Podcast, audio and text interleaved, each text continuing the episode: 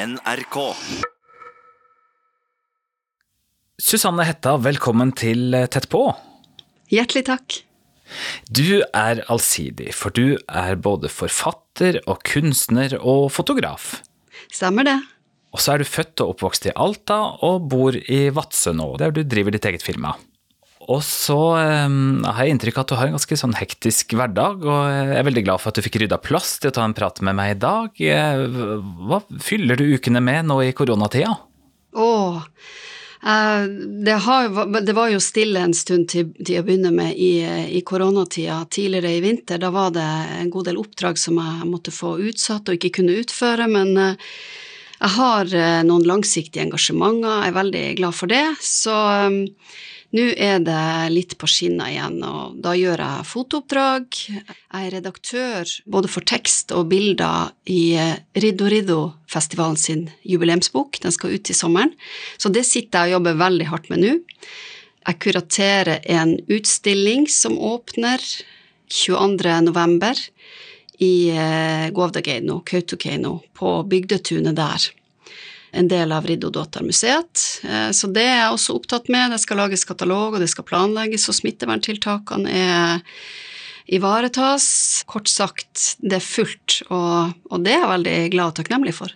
Og så er du aktuell med, med bok, altså den, eh, den femte i rekka. Før så har du gitt ut bøker om eh, Svein Erik Utsi og Synnøve Persen og Mari Boine. Og boka som du har gitt ut nå, handler om kunstnerkollektivet Matsi Yuafko. Jeg tenkte vi skal komme tilbake til de bøkene. Jeg hadde bare lyst til å si at, nå, at du er høyaktuell nå, da. Men eh, jeg har lyst til å snakke om den første boka som du ga ut. Ja, den er jo spesiell på flere måter, og mest av alt er den jo spesiell for meg. Jeg ble forfatter litt uforvarende. Dette var i år 2000. Jeg jobba som journalist i NRK Finnmark. Det var det samiske forlaget Idot i Porsanger som ønska å gi ut en liten bok jeg hadde skrevet som barn, som ca. åtteåring da jeg hadde samiskundervisning. Og læreren min på den tida, Kirsten Wirkola, samisklæreren min på Komsa skole, hun samarbeida med Idot om å gi ut lettlestbøker for barn som lærer samisk, enten som førstespråk eller andrespråk på barneskolen. Og da hadde hun funnet fram til en av de små bøkene som jeg satt og klippte og limte og tegna og skrev eh, med ikke kjempegodt eh, samisk språk, men likevel, og da ønska Idot å gi den ut. Og jeg sa selvfølgelig ja. Så kult! Det var helt utrolig. Men den, den lever fortsatt. Den, eh, den ble utgitt på nordsamisk da i 2000, og noen år senere så ble den oversatt til sørsamisk. Og det var ganske fantastisk da jeg var på en, en eh, fotoreise til, og kom blant annet til Hattfjelldal i Nordland. Og så fant jeg den på sørsamisk, det lille heftet, som på nordsamisk heter Okta beive annin, eh, en dag i Annes liv. Men på sørsamisk så kan jeg dessverre ikke uttale tittelen, men da ble de liksom veldig glade for at jeg var der. Å, er det du som har skrevet den boka? Ja, den er jo veldig kjær for mange av elevene her, og det er jo ikke så mange som snakker sørsamisk, og det var gull verdt for de, de små elevene, og det, da ble jeg veldig varm i hjertet. Så den boka, den, den eh, ligger veldig nært hjertet mitt da, av eh, de fem jeg har utgitt til nå. Ja, det skjønner jeg. Og den boka her, den skrev du da du holdt på å lære deg samisk, for du, du har ikke lært samisk hjemme, eller? Eh, Nei, jeg lærte ikke så mye samisk hjemme. Pappa er samisk, og mamma er norsk, og han forsøkte selvfølgelig, og vi hadde god kontakt, og har god kontakt med den samiske familien min i Siebe i Kautokeino, men um, du vet, eh, å vokse opp på 1970- og 80-tallet, eh, så var ikke det eh, det beste vennlige, samevennlige klimaet å vokse opp i, dessverre. Så jeg merka jo allerede negativ motstand før jeg begynte på skolen. Bare det å ha kofte på seg som lite barn, da fikk jeg stygge blikk fra voksne og også ord som var sinte, som jeg ikke forsto. Og når jeg begynte på skolen, så var det jo helt vanlig med mobbing.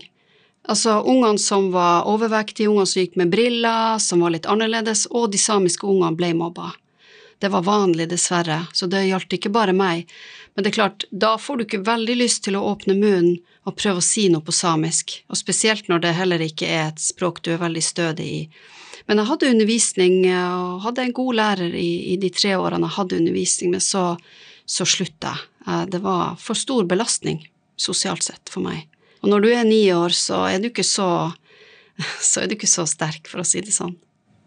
Og det lærte jeg først etter at jeg ble voksen, langt opp i 20-årene. Så skjønte jeg jo det at halve klassen min var jo samer. De var sjøsamer, så de hadde navn, sånn vanlige send-navn, og kom der foreldrene kom fra fjordene, fra Altafjorden eller fra nabokommunen Hammerfest, for eksempel.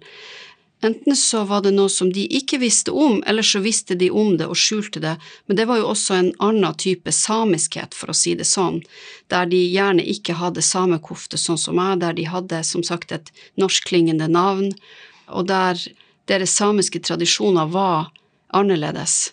Eh, jeg, var, jeg husker jeg var og besøkte en venninne i klassen, jeg var med på helgetur til eh, en av de små stedene langs eh, Altafjorden og hennes besteforeldre snakka også samisk, sånn som mine, men jeg kobla ikke at hun også var same, for hun snakka ikke samisk, hun hadde ikke kofte, det var ikke noe i det ytre som ellers skulle tilsi det, men mora snakka også litt samisk, men helst ikke. Det er noe her som jeg ikke klarte å avkode før jeg ble voksen, at det var så mange av oss. Men så er det jo det at den sjøsamiske kulturen og den sjøsamiske dialekten og musikken og alt det har vært så mye sterkere undertrykka og negativt sanksjonert enn den samiske kulturen som jeg kommer fra i Kautokeino. Det blir veldig sånn at de ekte samene er de som har kofte, og de som driver med rein. Og det er jo ikke sant. Men det var jo det bildet jeg også vokste opp med som barn alle samer er også ulike. Det finnes et veldig stort repertoar av måten å være samisk på, som jeg syns vi er nødt til å anerkjenne. For når vi kan anerkjenne hverandres ulike måter å være samisk på, så kan vi også si ok, sånn er det, kan vi nå løfte blikket og se fremover? Hvem skal vi være som samer, hvem skal jeg være som same? Eh, hvordan skal vi som samisk folk samle oss, hva skal vi samle oss rundt? Hva skal vi fremheve? Hva er det gode og det positive i den samiske kulturen som vi skal eh, bygge videre på, og som vi skal leve med og eie? Den fortellinga, den vil jeg gjerne eh, være med og, og fortelle. Gjerne skrive, men også å formidle på alt mulig annet vis. Ja, og det er jo spennende. Hvordan ønsker du å bidra? Nå har jeg jo gjennom de fem bøkene mine Eh, skrevet om samiske personer, skrevet om samisk virkelighet, samisk historie. Så det er vel først og fremst på den måten jeg tenker at jeg kan bidra, ved å være en formidler. Og så eh, driver jeg jo med fotografering, jeg er kunstner, og jeg tror nok at det gjennom det jeg skaper der, også antakelig kan vises eh, ja, en slags streng inn til min, mitt samiske hjerte. Men det er kanskje vanskeligere for meg sjøl å se og definere. Det er på en måte det jeg tror kan være mitt lille bidrag i denne historien. Som forfatter så har du jo valgt samiske temaer i alle bøkene dine. Mm. Gjør du det også som fotograf? Jeg fotograferer jo for en del oppdragsgivere, så fotograferer jeg jo også til bøkene. Men det var en som sa ja, du er jo samisk fotograf, for jeg ser jo at du fokuserer veldig på detaljene. Hvis du slurver med en del detaljer, så har du ikke gjort jobben ordentlig. Eh, så kanskje man kan si det, at jeg er opptatt av de små tingene i tillegg til det store bildet, men eh, det er jo egentlig noe som andre bør svare på. Men når det er sagt, så er jeg veldig opptatt av tidlige samiske fotografer, og jeg har begynt allerede å undersøke litt og finne frem til tidlige samiske fotografer før 1975, mitt fødeår. Fordi at eh, måten man blir avbilda på Altså, samene er jo et av de mest fotograferte urfolk i verden, fordi at vi har vært så tilgjengelige. Og vi eh, befinner oss jo i fire nasjonalstater. Men det er klart, det blikket som andre har på oss, det vises jo i fotografiene, og de er ofte en helt annen type fremstilling enn det en samisk fotograf vil gjøre. Å fotografere innad i sin egen kultur, sitt eget folk, sitt liv. Så det er vel et prosjekt som jeg har ganske langsiktig, men som jeg har begynt å se på allerede nå. Ja. Du har spesialisert deg på portretter. Eller kanskje litt dårlig gjort å si spesialisert, men du har i hvert fall tatt mange portretter. Både ja. fotografier og skrevet bøker. Det er mer presist mm. å si det sånn. Er det mulig å si noe om hva du er på jakt etter? Det er ikke noe jeg definerer når jeg begynner. Jeg kan ikke vite hva jeg er på jakt etter, fordi jeg vet ikke før jeg er inni det og ser hva jeg har foran meg. Altså, når jeg begynte å jobbe med Mari Boine og Synnøve Persen for å lage bøker om dem, det var omtrent samtidig, det var i 2014, så visste jeg heller ikke. Jeg visste ikke hva jeg er ute etter, for jeg kjente ikke de personlig. Så det første jeg måtte gjøre, var jo å å bli kjent med de, og få lov å bli kjent med de, og få oppnå en tillit. Og så at de kunne bli kjent med meg. Det er veldig eh, vesentlig når man skal jobbe så tett innpå noen. Og jeg visste heller ikke om det ville fungere, om det ville gå bra. Men det gjorde det etter hvert, og det er klart, da må du gi en del av deg sjøl. Sånn var det også når jeg jobba med Sven Eirik Utsi. Han måtte få tillit til meg, først om han skulle avgjøre om jeg fikk lov å skrive boka om han. Det gikk bra fordi man fant en del felles referansepunkter også. De tre er jo veldig ulike, men samtidig så har jeg vel gått frem på samme måte, men jeg har vært åpen og ydmyk i forhold til at jeg ikke visste hva jeg ville finne, og om jeg ville få lov til å komme helt frem og gjøre prosjektet at det skulle bli en bok. Hvert prosjekt krever jo sin ulike fintfølenhet fordi at det er så ulike personer og egentlig så ulike bøker også, eh, som det har blitt. Det høres ut som prosesser med mange faser og eh, som tar tid? Det tar tid, men det er jo så spennende, og det er så fint å jobbe på den måten. Og jeg sa til eh, Mari Boine og jeg sa til Synnøve Persen, når de hadde gått med på at det kunne bli en bok, jeg vet ikke om det blir til neste år. Sannsynligvis ikke. Kanskje to år, kanskje fem år. Jeg vet ikke. Vi tar det som det kommer.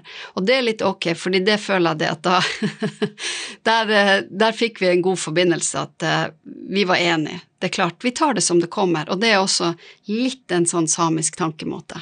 Ikke sant? Hvor, hvor lang tid brukte du på, på boka med Persen, for eksempel, da? Cirka fire år, men det er klart, jeg har jo ikke jobba på heltid med hver enkelt. Eh, det har vært innimellom andre ting, fordi at de her prosessene krever jo også modning og tid, sånn at det går noen gang noen måneder mellom hver gang man snakkes, noen, gang, noen måneder mellom hver gang man fotograferer hverandre. Ja. Er det noen deler av prosessen som, som du syns er spesielt givende, da? Når jeg fotograferer, så kan jeg miste sansen for både tid og sted. Det skjer ofte at jeg sier ja, ja, vi skal bare, det her tar bare et kvarter og så blir de lei, og så er det kanskje litt kaldt hvis vi er ute, og så ser jeg etterpå at oi, vi har brukt en time. Og hvis jeg er alene og fotograferer et eller annet i naturen eller noe sånt der jeg ikke er avhengig av noen, så kan det bare Så plutselig så har det gått to timer. Og det er fordi at jeg er så inne i den prosessen jeg er inne i en sånn boble at jeg lar meg ikke forstyrre av noe, nesten. Jeg føler vel at det er det mest givende, men, men det er klart, når du sitter der og jobber med tekst og bilder, og du ser at her kommer det i hop når jeg sitter med designfiler, for jeg gjør grafisk design sjøl også, og når det klaffer, så er det bare ja, der, der har vi det. Da bruser blodet, altså. Så, ja, ja, ja. Men også det når, når de som jeg har jobba sammen med, sier at ja, vet du hva, det ble veldig bra. Jeg liker det. Og så jeg mm. liker spesielt den og den og det bildet det er veldig viktig for meg at jeg har såpass respekt for de som blir portrettert.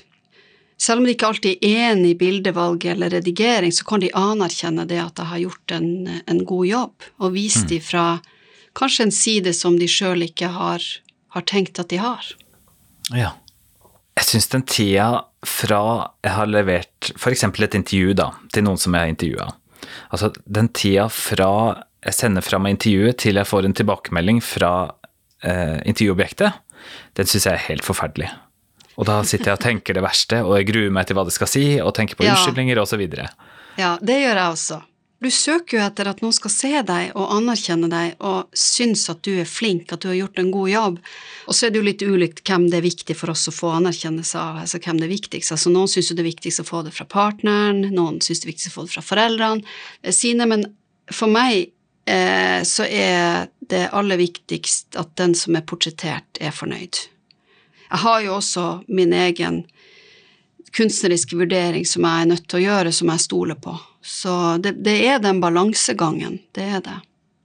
Men jeg har jo også tatt eh, bilder hvor en person har blitt eh, fremstilt på en måte som han eller hun aldri har blitt fremstilt på før, og som ble overraskende, og som hen likte.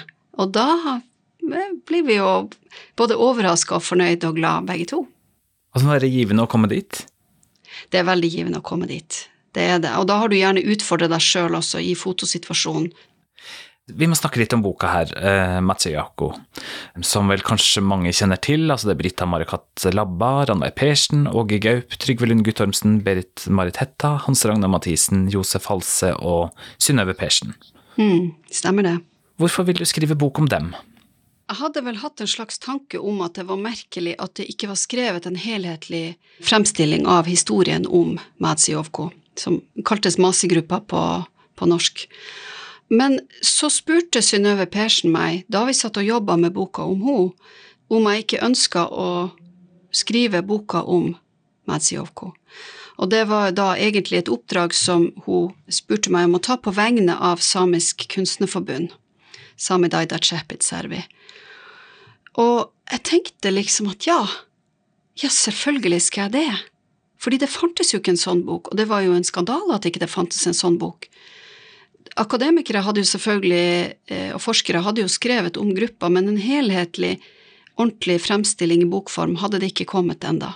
Så jeg sa ja. Hvilken betydning har de hatt? De har hatt eh, en eh, betydning for samisk kunst, og måten samisk kunst har blitt sett og oppfatta på, hva samisk kunst er og kan være, og ikke minst dannelsen av flere samiske kunstnerorganisasjoner, der de hadde en finger med i spillet eh, i omtrent alle. Og også opprettelsen av eh, det som etter hvert ble det samiske nasjonalteatret Beaivers. De var virksomme fra 1978 til 1983. Det er vel det man kan si som er liksom offisielt da. Og de fleste av de var nyutdanna kunstnere, samiske kunstnere med ulike samiske erfaringer, altså fra ulike samiske miljø, både fra reindrift og fra, fra kystsamisk miljø. For frem til da så var samisk kunst stort sett sett på som noe Ja, det var liksom håndverk. Det var litt sånn folkloristisk, og det var havna ikke på gallerier og museer. Det ble satt inn i etnografiske samlinger på museer. Kopper, kniver, kofter, sånne ting, det var kunsthåndverk, det var doji, det hadde en lavere status. De ønska å øke den statusen, og de ønska å vise at samisk kunst også kunne være sånn som malerier, det kunne være skulpturer, sånn at gjennom sin, sin kunstutdanninger, da, som er i en vestlig, vesteuropeisk kunsttradisjon, så ville de likevel skape noe som var samisk kunst. Startpunktet var jo faktisk en, en utstilling på Norsk Folkemuseum i Oslo som heter Sami Alb mot samefolket, der et av gruppemedlemmene, Berit Marit Hetta, satt i den arbeidsgruppa som skulle sette sammen og invitere kunstnere til å stille ut. Men når de da, de kunstnerne her, møttes for å bidra med sine verk, så kom ideen opp at vi danner en samisk kunstnergruppe, og vi skal dra hjem til Sápmi, og der skal vi virke som kunstnere og være vårt folks kunstnere. Og det er så stort, tenk så stort det er å bare gjøre det. De reiste rundt, putta malerier i varebil og kjørte til neste sted, og satte den opp i gymsaler eller forsamlingshus, og, og folk kom. Og de så, og det var spennende, og de, de var etterspurte, i nord i alle fall. Det var veldig nytt og forfriskende, samtidig som som det er så eh, artig å lese liksom sånn, som kan stå i en avis, at ja, her var det ikke mye malerier av rein og Finnmarksvidda. Hm, spesielt. Altså fordi at du hadde en forventning om hva samiske kunstnere skulle vise, hva slags motivvalg de skulle ha. Helt vanlig. Det rare er at en del av de holdningene der, de finnes jo også i den norske kunstkritikerskaren, ikke alle, men noen, fordi at du får et litt sånn problem med å forklare ja, hva er samisk kunst, da? Hva er det motivet? Er det teknikken? Er det materialene? Er det hvem som lager kunsten? Er det hvor den er laga? Men de ble også spurt om nettopp dette, hva er samisk kunst? Det store spørsmålet ble de spurt om da de stilte ut på, noen av de stilte ut på Festspillene i Nord-Norge rundt 1980, og da svarte de samisk kunst er kunst laga av samer. Det er jo et spørsmål som ikke alle er enig i etterpå, men det var så enkelt som det ble sagt på, på den tida. Det kan jo være en rettesnor. Det syns jeg er interessant i lys av det vi snakka om før eh, i samtalen, hvor jeg spurte deg om, um, om du er en samisk fotograf, sånn sett, eller om du tar samiske, samiske fotografier? jeg er en samisk fotograf, men det er nok ikke sånn at du alltid kan se det i mine fotografier. Det tror jeg ikke samiske motiver, for å si det sånn, samiske personer, kan alle fotografere.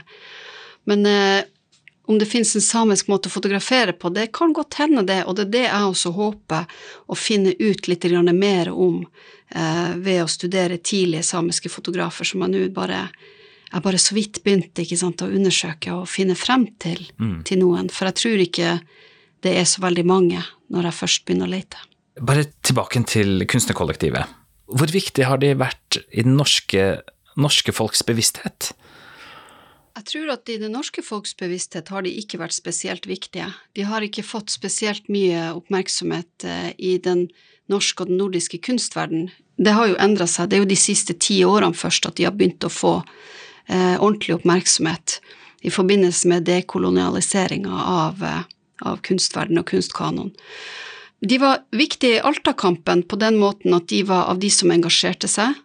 Flere av de eh, lå også i, i leirene i Stilla og ble båret bort av politiet mange ganger. Det var både Trygve Lund Guttormsen og Hans Ragnar Mathisen, Josef Halse, eh, Åge Gaup og Brita Marekat Labba lå i Stilla flere ganger, noen av dem. Og Synnøve Persen var med på den første sultestreiken i 1979, og den var jo et vannskille i minoritets- og urfolkspolitikken i Norge. Og flere av de som sultestreka, var jo også en del av kretsen rundt Matsijovko. Så de har hatt både direkte og indirekte innflytelse i Alta-kampen og i samisk og norsk historie. Så heldig du er som får fordype deg i så spennende deler av historien. Ja. Ja, er det ikke det? Jeg føler meg kjempeheldig. Jeg blir helt uh, jeg får helt gåsehud eh, bare vi sitter her og, og, og snakker om det, fordi det, jeg blir så engasjert at det, jeg kan snakke i dagevis om det her. Og jeg føler jo også det at boka har blitt en sånn bok som jeg ønsker, altså det som ligger utenom også. Jeg har vært nødt til å gjøre en, en, eh, også en oppsummering av norsk og samisk historie for å komme frem til det punktet hvor Matsijovko opprettes. Mm. Eh, så sånn sett så har jeg også lært og rekapitulert en del, del av den, den, historien som jeg tidligere også har lest. Denne boka den, den er kommet ut på engelsk, og det er fordi det er en del av Oka sin skriftserie som nettopp handler om samisk kunst og dekolonialisering av kunsten. Eh, men jeg vet at eh, det er samisk oversettelse er på vei. Da håper jeg at, eh, at den samiske utgaven er på plass kanskje til neste jul, i alle fall. Ja, det er viktig ja. at det kommer på samisk òg. Det er veldig viktig for meg. Eh, mine bøker, unntatt boka eh, Utsi veien ut av det kriminelle livet, eh, er utgitt på samisk. Den første barneboka er utgitt på samisk, nordsamisk og sørsamisk. Og bøkene om Mari Boine er i én og samme utgave på engelsk, norsk, samisk og tysk. Selv om jeg sjøl ikke snakker flytende eller er i stand til å skrive så mye på samisk, så anerkjenner det at for at det samiske språket skal leve og utvikle seg, eller de samiske språket, språkene, rettere sagt, så må de brukes. Det må skrives litteratur på samisk, alle samiske språkene, og ungene må få mulighet til å få samisk undervisning, og folk må også få mulighet til å få den samiske litteraturen, at den, at den formidles sånn at, at det kan leses på de samiske språkene. Men når det er sagt, så er jeg også veldig opptatt av at det skal være, de her historiene skal være tilgjengelig også for majoritetsbefolkninga. Fordi at det er synd hvis vi på en måte skal holde de her viktige historiene om, de, om store mennesker, om store samfunnsendringer, for oss sjøl. Nå sier vi at du har flere prosjekter som du jobber med. Hva, hva er ditt eh, neste prosjekt? Vel, det neste som iallfall blir noe håndfast, altså en bok, det er jubileumsboka om Riddo Riddo-festivalen i Nord-Troms, som jo er en internasjonal urfolksfestival. Og de har altså holdt på i 30 år til neste år. Altså, det er jo helt eh, fantastisk. Eh, og jeg er så heldig at jeg er redaktør både for tekst og bilder i den boka.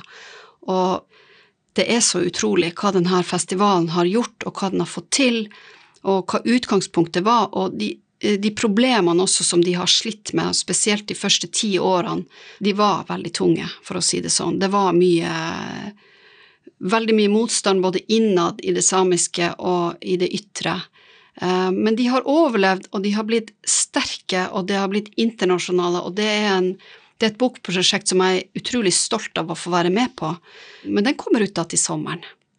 Men noe som er enda mer spennende, det er at jeg sammen med min partner Johan Sara jr. skal jobbe med Finnmark fra neste år, og kanskje ja, halvannet til to år fremover. Og det starta jo egentlig for kanskje fem år siden begynte jeg å tenke på at jeg hadde lyst til å gjøre noe på Finnmark, som jeg er så uendelig glad i.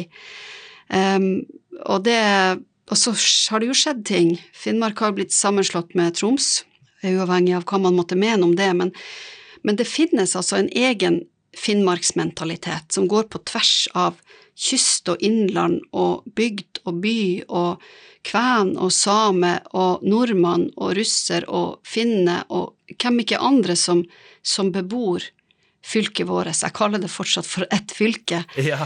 og, um, og, da skal Johan og jeg vi skal reise en del rundt omkring i Finnmark, da, forutsatt at det her, det her med koronaen, det, det vil jo gi seg, vi skal være nøye med smitteverntiltak, men vi skal rett og slett snakke med folk. Få dem til å fortelle, fotografere, filme.